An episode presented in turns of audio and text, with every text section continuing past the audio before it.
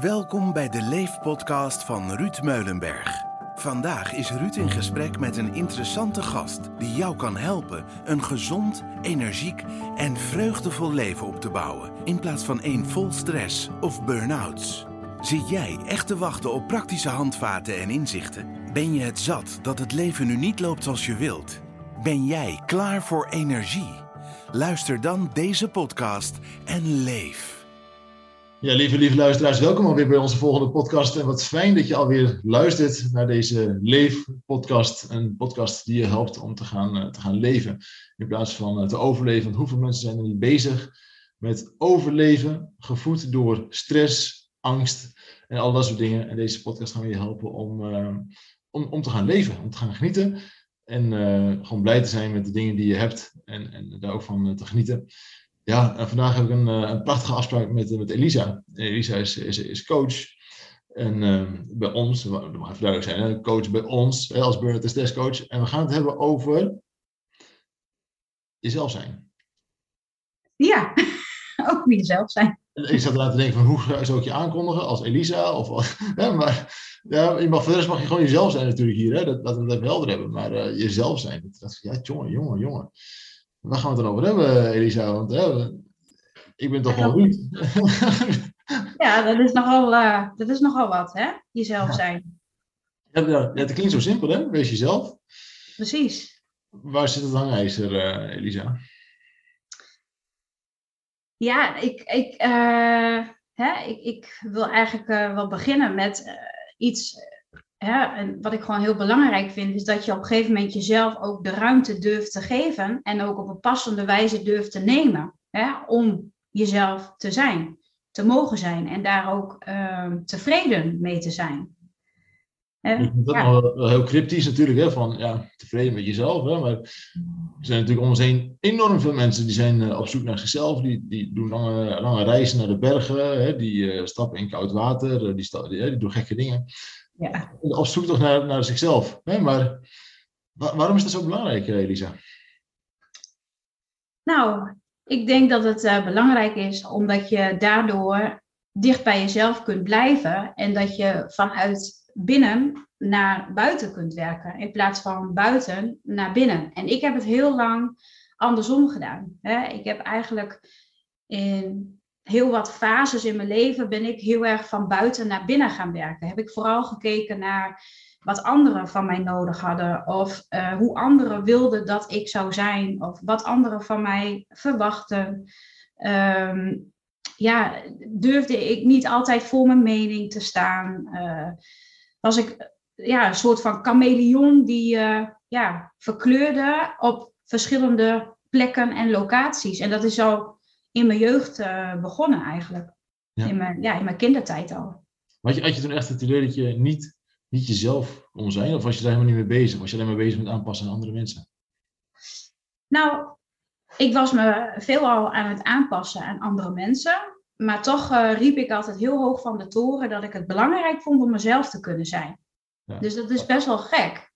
Want dan, dan uh, roep je eigenlijk dat je dat heel belangrijk vindt. Maar ondertussen doe je dat dus niet. Dus dat is een beetje het aparte eraan. En dat is ook wat ik nu geleerd heb. Want blijkbaar was het altijd al een soort van verlangen in mij. Om dat dus ook daadwerkelijk te voelen. Dus dan roep je maar iets heel hard. Maar dat betekent dus ook dat je dat dan blijkbaar nog niet zo voelt. Ja, klinkt misschien een beetje vaag wat ik nu zeg, maar ik bedoel daarmee um, dat ik um, mijn stem, die wilde eigenlijk al iets aan mezelf duidelijk maken. Maar mijn gedrag liet hele andere dingen uh, zien en ook vooral doen. Want wat ik al zei, ik uh, werd vroeger gepest op de basisschool. Ja, uh, daardoor word je gewoon een stuk kritischer naar jezelf. je wordt daardoor een stuk perfectionistischer. En dat heb ik altijd in mij meegedragen. Ik heb altijd heel hard gewerkt om door een ander geaccepteerd te worden. Ja. Kun je nu zeggen dat je echt helemaal jezelf bent? Ja, dat is een hele gemene vraag natuurlijk. Maar ik kan, ja, je, je zult altijd jezelf blijven ontwikkelen. En uh, ik ben ook iemand, ik, ik, ik hou ook van persoonlijke ontwikkeling en ik hou ook van nieuwe dingen en ik hou weer van nieuwe inzichten. Uh, maar ik kan nu wel zeggen dat ik van binnen naar buiten toe leef. En dat ik echt leef vanuit mijn kernwaarden en dat ik voor die kernwaarden een passende ruimte durf te nemen. En dat ik het mezelf ook waard vind om die ruimte in te nemen. En vanuit die plek beslis ik of ik bijvoorbeeld uh, wel iets wil of niet iets wil, wel iets fijn vind of niet iets fijn vind. Dat zijn voor mij de schuifjes om mee te spelen. En, en van daaruit ook dus te leven en te kijken van ja, maar wat is goed voor mij? En dan kan ik me daar ook tevreden over voelen. En ook al heb je dan soms besluiten die je moet nemen die ja, moeilijk of pijnlijk zijn, omdat er dus mensen zijn die in jouw ruimte komen wat niet passend is, dan is het soms een moeilijk besluit of pijnlijk, maar dan besluit ik het wel van binnen naar buiten. Mooi.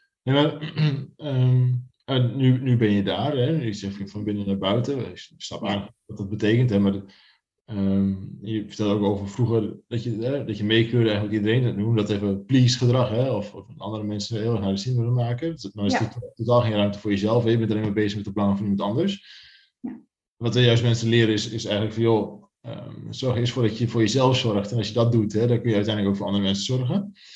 Hè, maar waar is het proces voor jou persoonlijk uh, begonnen? Hè? Dat ik wil ook een beetje een stappenplan maken voor de luisteraar natuurlijk. Van, joh, als je nou in dezelfde situatie zit, dan zijn er honderdduizenden mensen die dat zo doen. Hè? Daarom ook deze podcast natuurlijk. Maar als je in zo'n situatie zit, wat, wat, kun je daar dan mee doen? Laten we eens beginnen met jouw uh, momenten. Wat, wat, was voor jou nou het moment dat je zegt, ja, nou is het klaar, nou, nou moet ik hier echt wat, wat mee gaan, gaan doen? Uh, nou, dat zijn wel verschillende momenten geweest in mijn leven. Uh, maar ik weet wel dat het allemaal momenten zijn geweest uh, waarop ik het gevoel had dat ik op den duur met mijn rug tegen de muur stond. En dat het echt niet meer anders kon. En dat ik dacht van ja, maar nu moet ik echt voor mezelf opkomen. Nu wordt het echt tijd dat ik een besluit ga nemen waarbij het goed is voor mij en niet meer voor een ander. Hè, wat ik al zei, bijvoorbeeld met het pesten op school. Ehm, ik heb dat heel lang, heb ik dat maar toegelaten. En heel lang heb ik dat ook voor mezelf gehouden. Heb ik dat niet besproken thuis met mijn ouders. Uh, ik deed alsof er niets aan de hand was. Ik was thuis gewoon het leuke, vrolijke, gezellige meisje. Maar ondertussen werd ik wel gepest op school. En dat liet ik heel lang doorgaan, totdat op een gegeven moment iets in mij knapte. Ik kan me dat moment nog heel goed herinneren. En dat ik zo boos werd. En dat ik dus een kettingslot heb gepakt. En dat ik echt om me heen ben gaan zwaaien met dat kettingslot. En nou is het genoeg. Ik ben er klaar mee. Oh. En ja, dan, dan, dan gaat het dus eigenlijk al te ver. Maar dan toen heb ik echt een punt bereikt van, ja, weet je, als ik wil dat er iets verandert, dan zal ik toch echt voor mezelf op moeten komen. En dan zal ik zelf ook me kwetsbaar moeten opstellen naar mijn omgeving. Dus hulp durven vragen of zeggen dat het niet goed gaat met mij en dat ik hulp nodig heb. Ja. Want toen was je nog jong, heb je, heb je dat later, tot, tot toen heeft dat geduurd ongeveer? Uh, nou, toen zat ik in groep uh, ja, 6, 7, 8 was dat op de, op de basisschool. Ja. ja. En later is dat, is dat, is dat doorgezet, hè? Is het, om te zeggen, vroeg, vroeg begonnen. Ja. En is dat, dus soms wil je wel mensen zeggen van ja, maar als je wat ouder wordt, dan, dan gaat het wel weer over of zo, hè? Of, nou ja, uh, kijk, ik merkte wel dat ik het lastig vond om in mijn eigen ehm, waardes te blijven geloven, zeg maar. En ook niet steeds te geloven dat ik anders was, of dat ik vreemd was, of dat ik uh, raar was, of dat ik er niet bij hoorde. Want ja, ik heb ook, uh, ik ben opgegroeid in een gezin. Ik ben enigst kind met mijn ouders. En mijn ouders, die, ja, die, die staan wat anders in het leven dan um, de gemiddelde ouders, zeg maar. die, die, die hebben een wat andere achtergrond. En die hebben wat andere leefregels, waardoor ik toch ook wel een bijzondere uh, vrije jeugd heb gehad eigenlijk. Dus voor mij waren de... wat, wat, wat betekent dat anders? Wil, wil je dat delen of niet?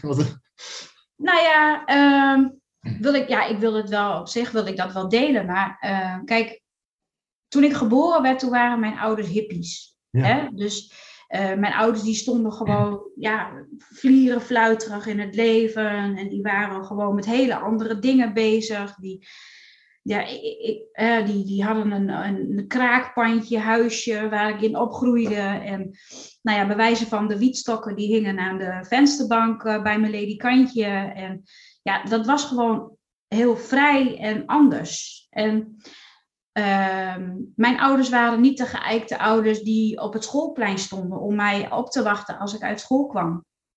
Uh, ik ben al heel vroeg heel zelfstandig opgegroeid. Ik ben al heel vroeg heel uh, voor mezelf gaan zorgen al. En dat ik alleen naar school ging, mijn eigen brood smeerde. Uh, omdat mijn ouders een kroeg hadden. dus ik ben in een andere soort jeugd ben ik groot geworden. In een jeugd waarin ik veel vrijheid had, weinig kaders, maar ook niet het geëikte voorbeeld. Um, waardoor ik ja, daarin misschien wel wat zoekende was. En dat merkte ik ook heel erg in mijn stages als uh, eh, SPW'er. En ik ben heel lang juf geweest. Um, maar de stages op de basisscholen, die hebben mij als, als het ware een soort tweede opvoeding gegeven in, in normen en in waarden en in hoe het hoort. Uh, en daarin ben ik eigenlijk heel lang zoekende geweest, want ik, ja, ik wist eigenlijk niet hoe het hoorde. Dus ik deed maar wat. En dan krijg je een paar keer de deksel op je neus in je leven van dat jij dus denkt dat dingen zo horen, maar dat je dan bestempeld wordt met ja, jij bent raar of jij bent anders of dat je merkt dat je buiten de groep valt, omdat jij misschien anders denkt of doet. Of... Ja, ja. Gewoon, gewoon anders meegekregen, andere, andere referentiekader eigenlijk. Hè? Ja. Eigenlijk niet meer dan dat. Ja. Precies. Het eerst gaan, gaan veranderen. Of in eerste instantie ben je heel erg mee gaan kleuren. Maar op een gegeven moment dan ben je het regenboog. Hè? Dan, en, en, op een gegeven moment lopen alle kleuren in elkaar over en dan loop je ergens vast. Hè? dat, dat, ja. zo, gaat dat, uh, zo gaat dat vaak. Ja, ja. Zo jou, uh, als ik me niet vergis. Dat klopt. En toen? Ja, kijk, ik wil wel, ja, ik weet wel gewoon dat ik het, uh, dat het eigenlijk in lagen werd het me gewoon steeds duidelijker. Als je er eenmaal in zit, dan heb je dat nog niet helemaal door. Vooral in je tienerjaren, dan, dan, ja, dan kleur je ook nog redelijk mee. En op een gegeven moment, uh, dan kom je in een vriendengroep en dan begin je steeds meer te vernemen van, joh, ja, ik pas, ik pas hier niet meer of zo. Het is gewoon niet meer mijn ding. Het is niet wat, waar ik me eigenlijk lekker bij voel. En dan komt er dus een punt dat je uh, ja, keuzes moet gaan maken. Uh, en misschien wel zelfs afscheid moet gaan nemen van mensen, omdat ze niet meer bij je passen. Mm -hmm. Maar is dat omdat je dan jezelf leert kennen? Of is het dat je niet meer bereid bent om, uh, om mee te bewegen? Nou, ik denk allebei eigenlijk. Ik denk allebei, want je leert jezelf steeds beter kennen. Want ik ben heel lang heel onzeker geweest. Of ja, hè, je gaat ook op den duur ga je ook gewoon geloven. Hè, wat, wat andere mensen dan tegen je zeggen of van je vinden. En je hoort eigenlijk altijd de slechte dingen. De slechte dingen die blijven dan heel erg hangen de goede dingen, die ontvang je dan helemaal niet. Die kun je ook helemaal niet horen. Nee. En, ehm, maar ja, ik, het is eigenlijk wat je zegt, meebewegen. Het was dat ik gewoon steeds meer zoiets had van, ja, ik wil meebewegen met wie ik ben. En wat ik fijn vind en, en waar ik blij van word. En wat bij mij past. Want ergens voelde het voor mij alsof ik een van al die duizenden zwarte mieren was. Hè? Als je gewoon wel eens, als je een, een helikopterview pakt en je kijkt naar beneden, dan zijn alle mensen natuurlijk allemaal kleine zwarte stippeltjes op deze hele aardbodem. En ik voelde me dan echt één klein zwart miertje die maar overal achteraan loopt. Maar dat, dat wilde ik niet langer. Ik wilde gewoon zijn wie ik ben. Vanuit mijn, elke cel van mijn lichaam dat ik daar gewoon achter kan staan en dat ik mezelf in de spiegel aan kan kijken en dat ik tegen mezelf kan zeggen, ja, Elisa, ben trots op jou. En ik ben tevreden met jou. Mooi. Bij mijzelf is, is toen tijdens mijn, of, of na mijn burn-out eigenlijk, dat, dat proces gestart. Hè? Daarvoor wil ik graag iedereen gelukkig maken. Dat is niet zozeer dat ik zozeer onzeker over was, maar wel dat ik het, het gevoel had dat ik graag iedereen blij wil maken. Ik kon het al heel slecht hebben als iemand uh, ongelukkig was en, en, en, dergelijke. Dus ik vond het altijd mijn taak om dan de hele wereld uh, uh, op sleeptouw te nemen eigenlijk.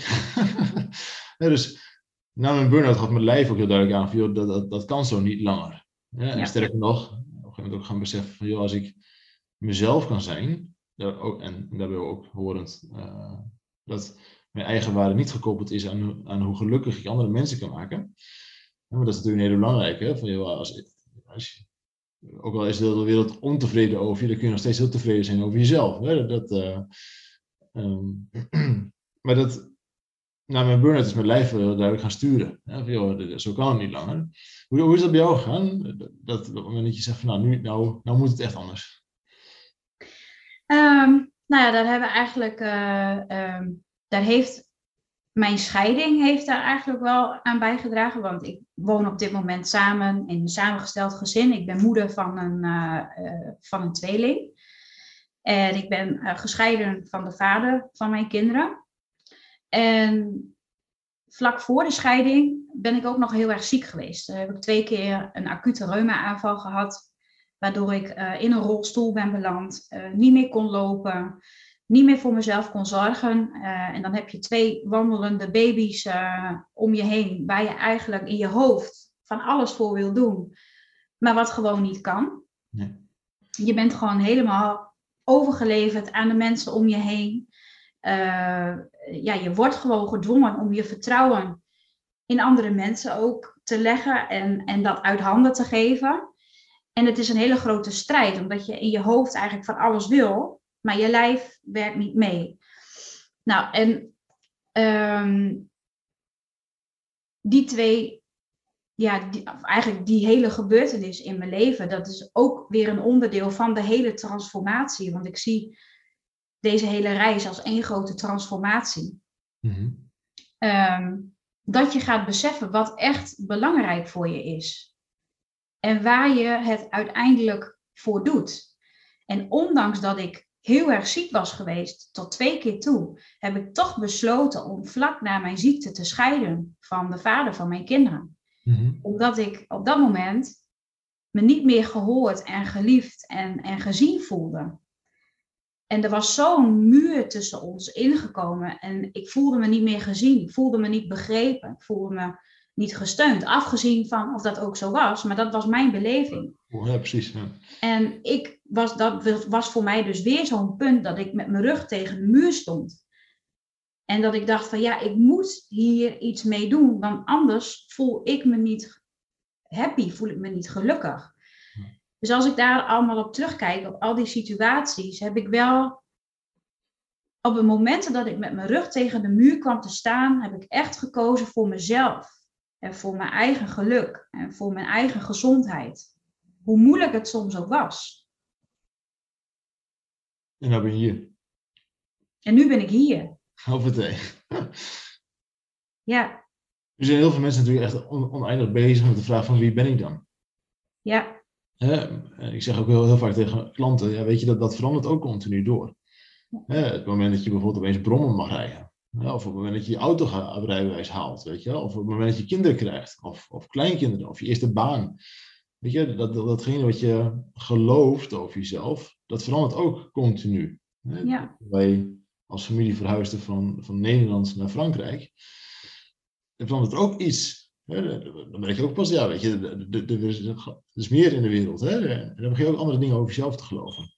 En dan mag je natuurlijk altijd blijven onderzoeken van hoe waarheidsgetrouw is dat dan. Hè? En dat schilder je zelf voor jezelf altijd wat negatiever af dan, dan de werkelijkheid is. Hè? Je mag best positief over jezelf denken.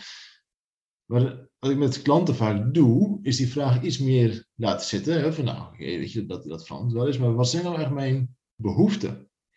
Hè, waar heb ik als mens nou eigenlijk behoefte aan? Uh, doe jij hetzelfde toevallig? Eh, of heb je een andere insteek?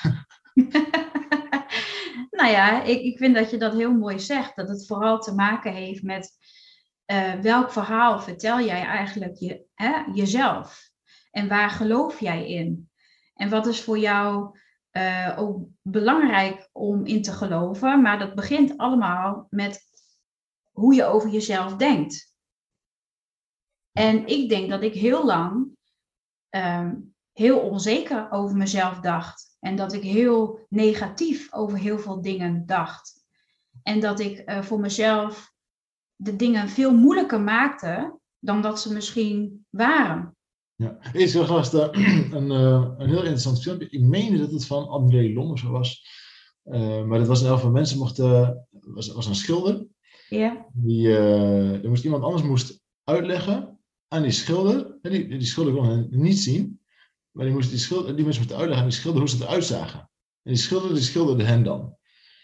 En vervolgens moest gewoon een wild, een wild vreemde van de straat afgeplukt. Ja. En dan aan die schilder ook uitleggen hoe diegene eruit zag. En vervolgens werden die twee, twee schilderijen naast elkaar gehangen. En dan zag je één heel lelijk en een hele mooie tekening. En die mooie tekening, die was altijd gewoon waarheid getrouwd. Dat was echt gewoon twee druppels water op degene die geschilderd werd. En, en dan, die lelijke was gewoon hoe, hoe iemand zichzelf zag. Ja.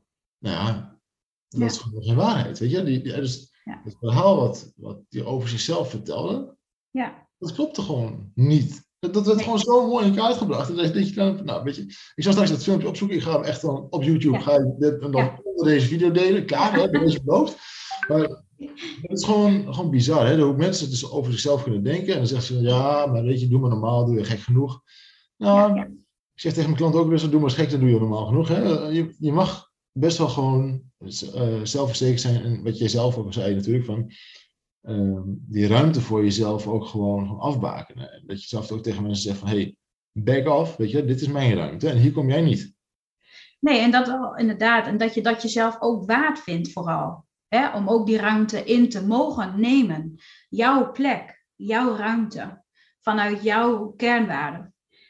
Ja. Vanuit hetgene wat jou tevreden houdt, wat jou blij maakt. Ja. En daar ook die schuifjes op toepassen, hè? wat jij ook wel eens hebt uitgelegd aan mij. Dat vind ik gewoon een hele mooie. Want je hebt, je bent 100% en je hebt ook maar 100%. En de ene keer zet je dit schuifje wat verder open. En op een, in een andere situatie of een andere omgeving zet je het andere schuifje wat verder open. Maar elk schuifje heeft een, andere, heeft een ander schild of heeft een andere kwaliteit. Of hè, vraagt iets van je. Maar het is wel goed om, om heel bewust te worden van wat zet ik in op welke plek en in welke situatie.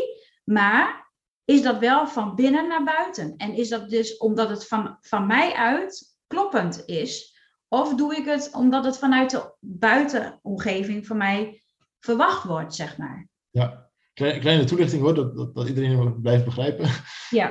Op je werk heb je bijvoorbeeld een ander schuifje openstaan hè, als dat je s'avonds in bed ligt met je partner. Tenminste, ja. ik, ik ja. weet niet hoe, hoe men over het algemeen met collega's omgaat, maar in mijn geval, in mijn geval is het zo, weet je wel. Ja. Maar, uh, of naar je kinderen toe, of naar de buurman, weet je. In elke sociale context heb je een bepaalde eigenschap nodig, weet je wel. En je, daarin, je bent niet altijd dezelfde. Nee. Dat niet, was af en toe wordt er ook wat anders van je gevraagd. Maar zolang je de keuze hebt hè, om van binnen naar buiten te werken, dan is er niks mis mee. Hè? Van, joh, ik maak nu de keuze om me wat zakelijker op te stellen. Of ik maak nu de keuze om iets vriendschappelijker op te stellen. Of ik maak nu de keuze om me wat liefdevoller op te stellen. Dus, zolang het elke keer vanuit jou komt, hè, van ja, dit, dit, dit rijmt nog met, met hoe ik over mezelf uh, denk, wat ik voel, et cetera. Ja, dan, dan doe je een, mooiste job. Hè? Ja. Het mooie van die behoefte vind ik ook, um, mijn eigen behoefte, ik heb een hele grote beweegbehoefte. Dat, dat, dat, is wie, ook, dat maakt ook wie ik ben. Ik moet elke dag sporten, bewegen, naar buiten, weet je wel. Daar zit ook de liefde in van mijn bedrijf natuurlijk. Maar als ik dat niet doe, dan word ik gek, weet je wel. Dus, maar zo heb ik ook de behoefte om ze af en toe echt mega lui te zijn. Gewoon, weet je, gewoon, uh, uh, gewoon niks te doen, weet je wel. Gewoon een beetje, een beetje, een beetje... Uh, te land te ja. ja. En zo heb ik ook enorm de behoefte om heel erg uitgedaagd te worden. Ik weet, ik heb ooit eens een, een baan gehad waar het niet meer uh, lukte. En toen dacht ik op een gegeven moment, oh, ik hoop zo dat een van mijn medewerkers binnenkort gaat frauderen of diefstal pleegt of zo. Weet je? Tenminste wat, wat spannends te doen, weet je wel. Dus ik heb soms echt een enorme uitdaging nodig. Nou, zo zitten er een paar dingen bij in, weet je wel. Hè? Ik vind het ook wel fijn dat, dat ik gewoon erkend word voor de dingen die ik doe, et cetera. Dus, en al die dingen zijn bij elkaar, dat, dan, dan werkt dat voor mij altijd positieve. Hè? Van, wat heb je nou nodig als mens? Ja. En dan hoef je niet te bezig te zijn van, uh, hoe is het gevormd? Ja, wat, wat is nou behoefte? Is het enigszins redelijk om dat van andere mensen ook te verwachten? Hè? Van, ik wil graag een compliment uh, per minuut. Ja, mm, wat, wat wel lastig, maar ja, wat, wat, dat zit natuurlijk ook onder wat geloof je over jezelf. Ja. We hebben het natuurlijk over, uh, over jezelf zijn. En sommige mensen hebben natuurlijk ook best heel veel moeite, of angst zelfs, om zichzelf te zijn. Ja. Herken je dat? Ja, dat, uh, dat, dat herken ik zeker. Want je bent bang om afgewezen te worden. Of uh, je bent bang om er niet bij te horen. En ja, de grootst, meest universele angst van de mens is er niet bij te horen. Want ja, wat als je er niet bij hoort? Dan kan het leven of dood betekenen, tenminste volgens ons oerbrein wel. Hè? Dat zit nog zo in het systeem ingebouwd. Als je alleen achterblijft, hè, dan. Uh, dus ja, bang zijn om jezelf te zijn betekent ook wel eens afwijzing. En uh, dat betekent ook dat andere mensen misschien zeggen: Ja, ik vind je niet zo aardig, of ik vind je niet zo leuk, of jij past niet zo goed bij mij.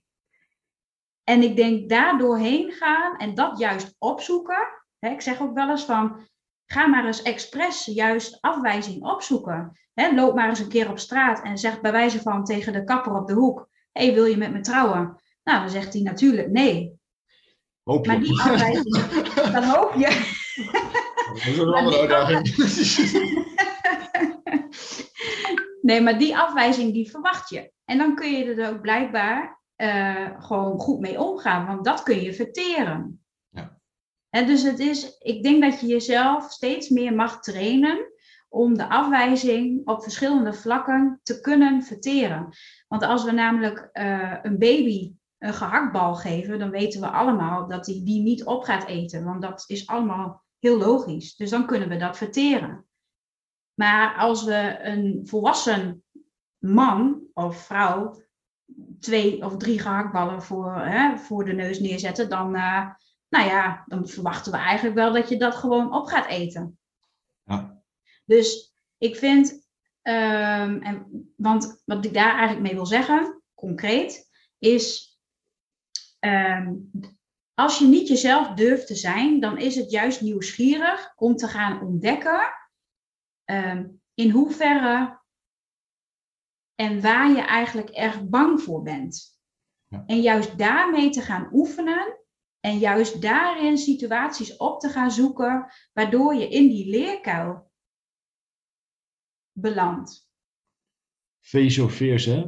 Kijk je angst Ja. eh, aan, hè, zeggen ze dan. Ja, Het grappige is dat zo werkt stress. Hè? Je kunt, eh, stress is angst. Hè? Eh, Stress is het gevolg van, van angst. Eh, is altijd eh, irrationeel. We zijn altijd bang voor dingen die niet, eh, niet bestaan of eigenlijk nooit uitgekomen. Dus dan ben je wel aan het vechten en vluchten, maar voor iets wat eigenlijk niet bestaat. Hè? Eigenlijk is het gewoon een gedachtegang. En eh, op het moment dat je dan zegt, nou, vreet me dan maar op. Ik ga niet meer vechten, ik ga niet meer vluchten. Hè? Ik ben dan maar op. En het gebeurt niet.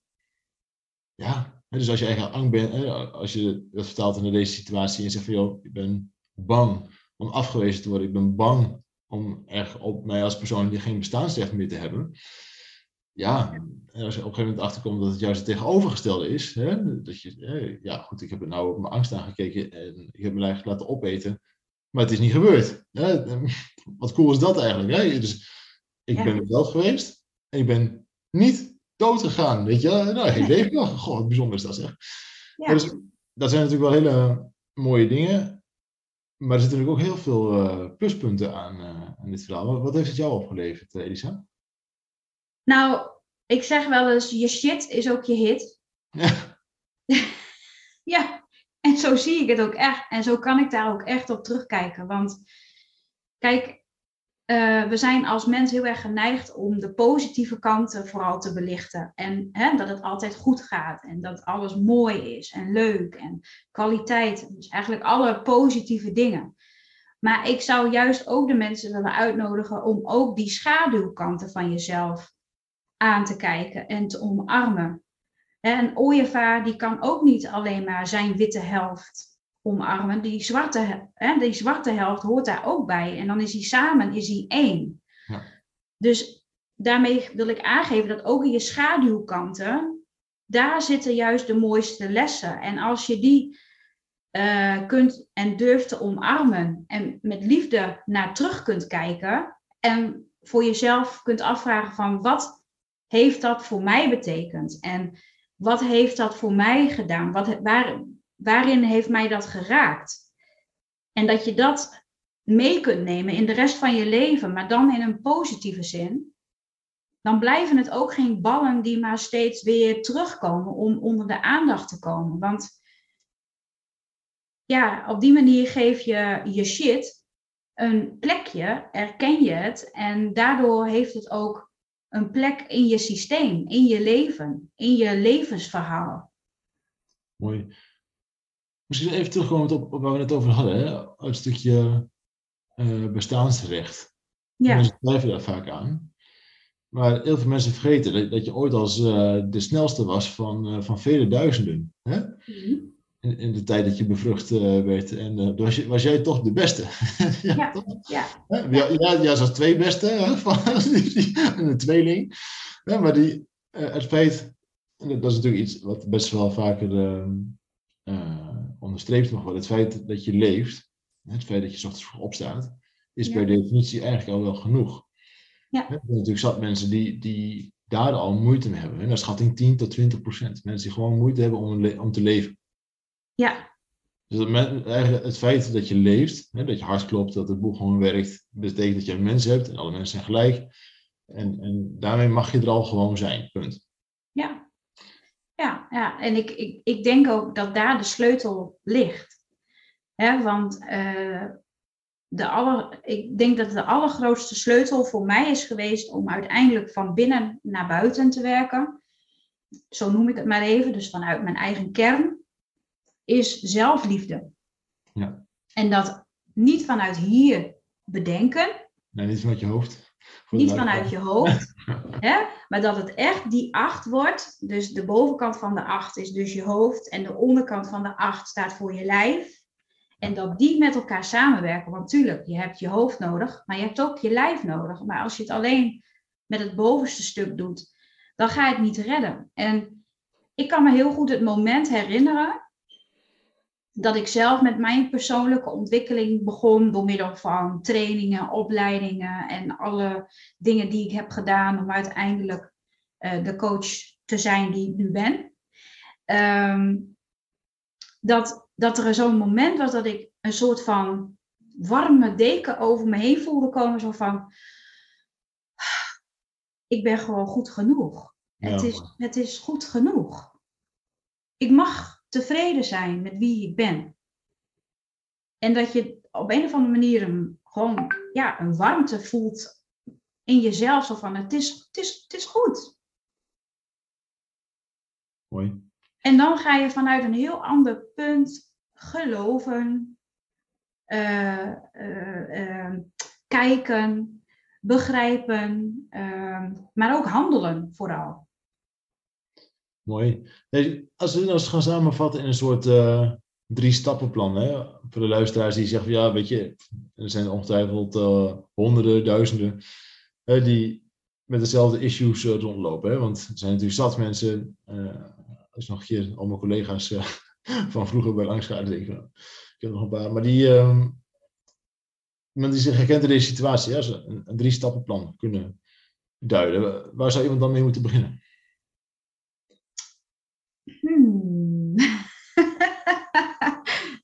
Vraag. uh, ja, waar zouden ze dan mee moeten beginnen?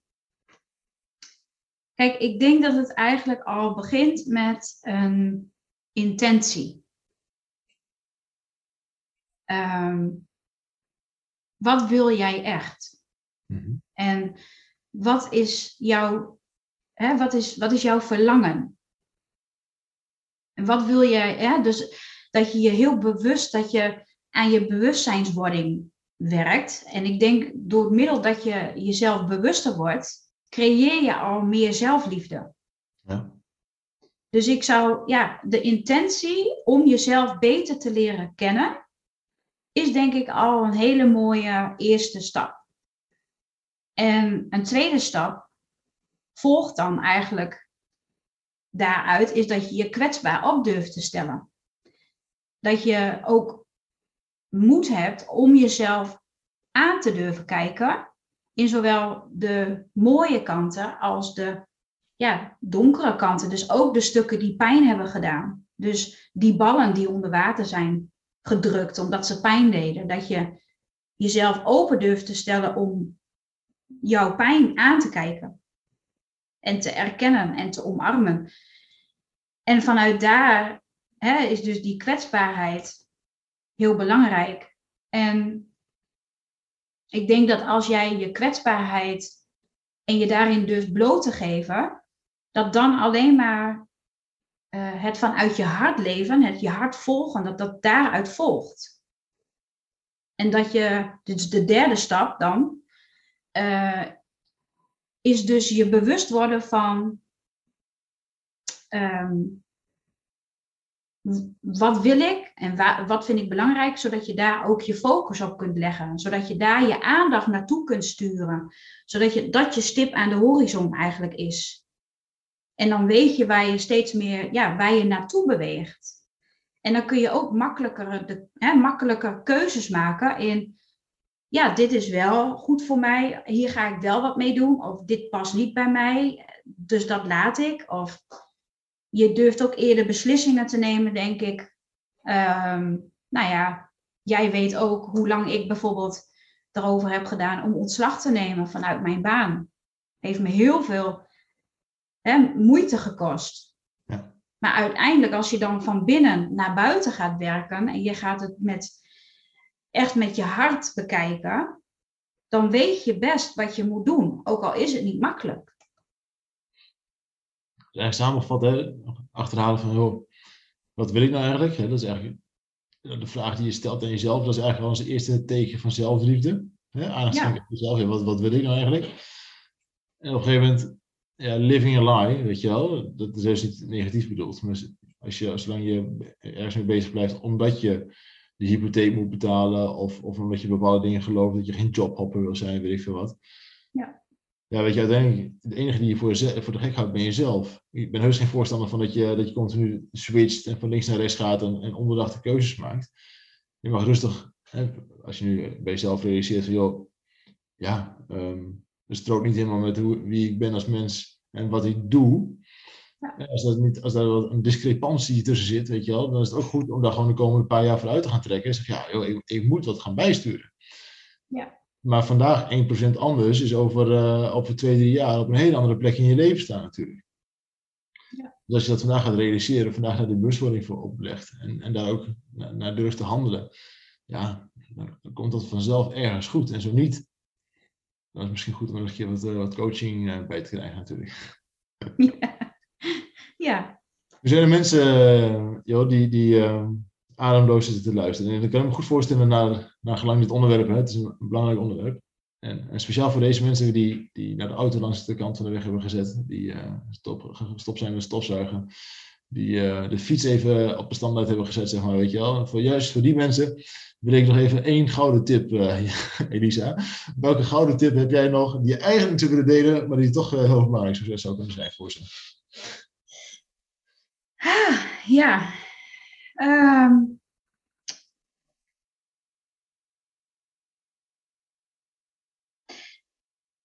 nou ja, ik, ik uh, kom dan toch op het stukje kwetsbaarheid.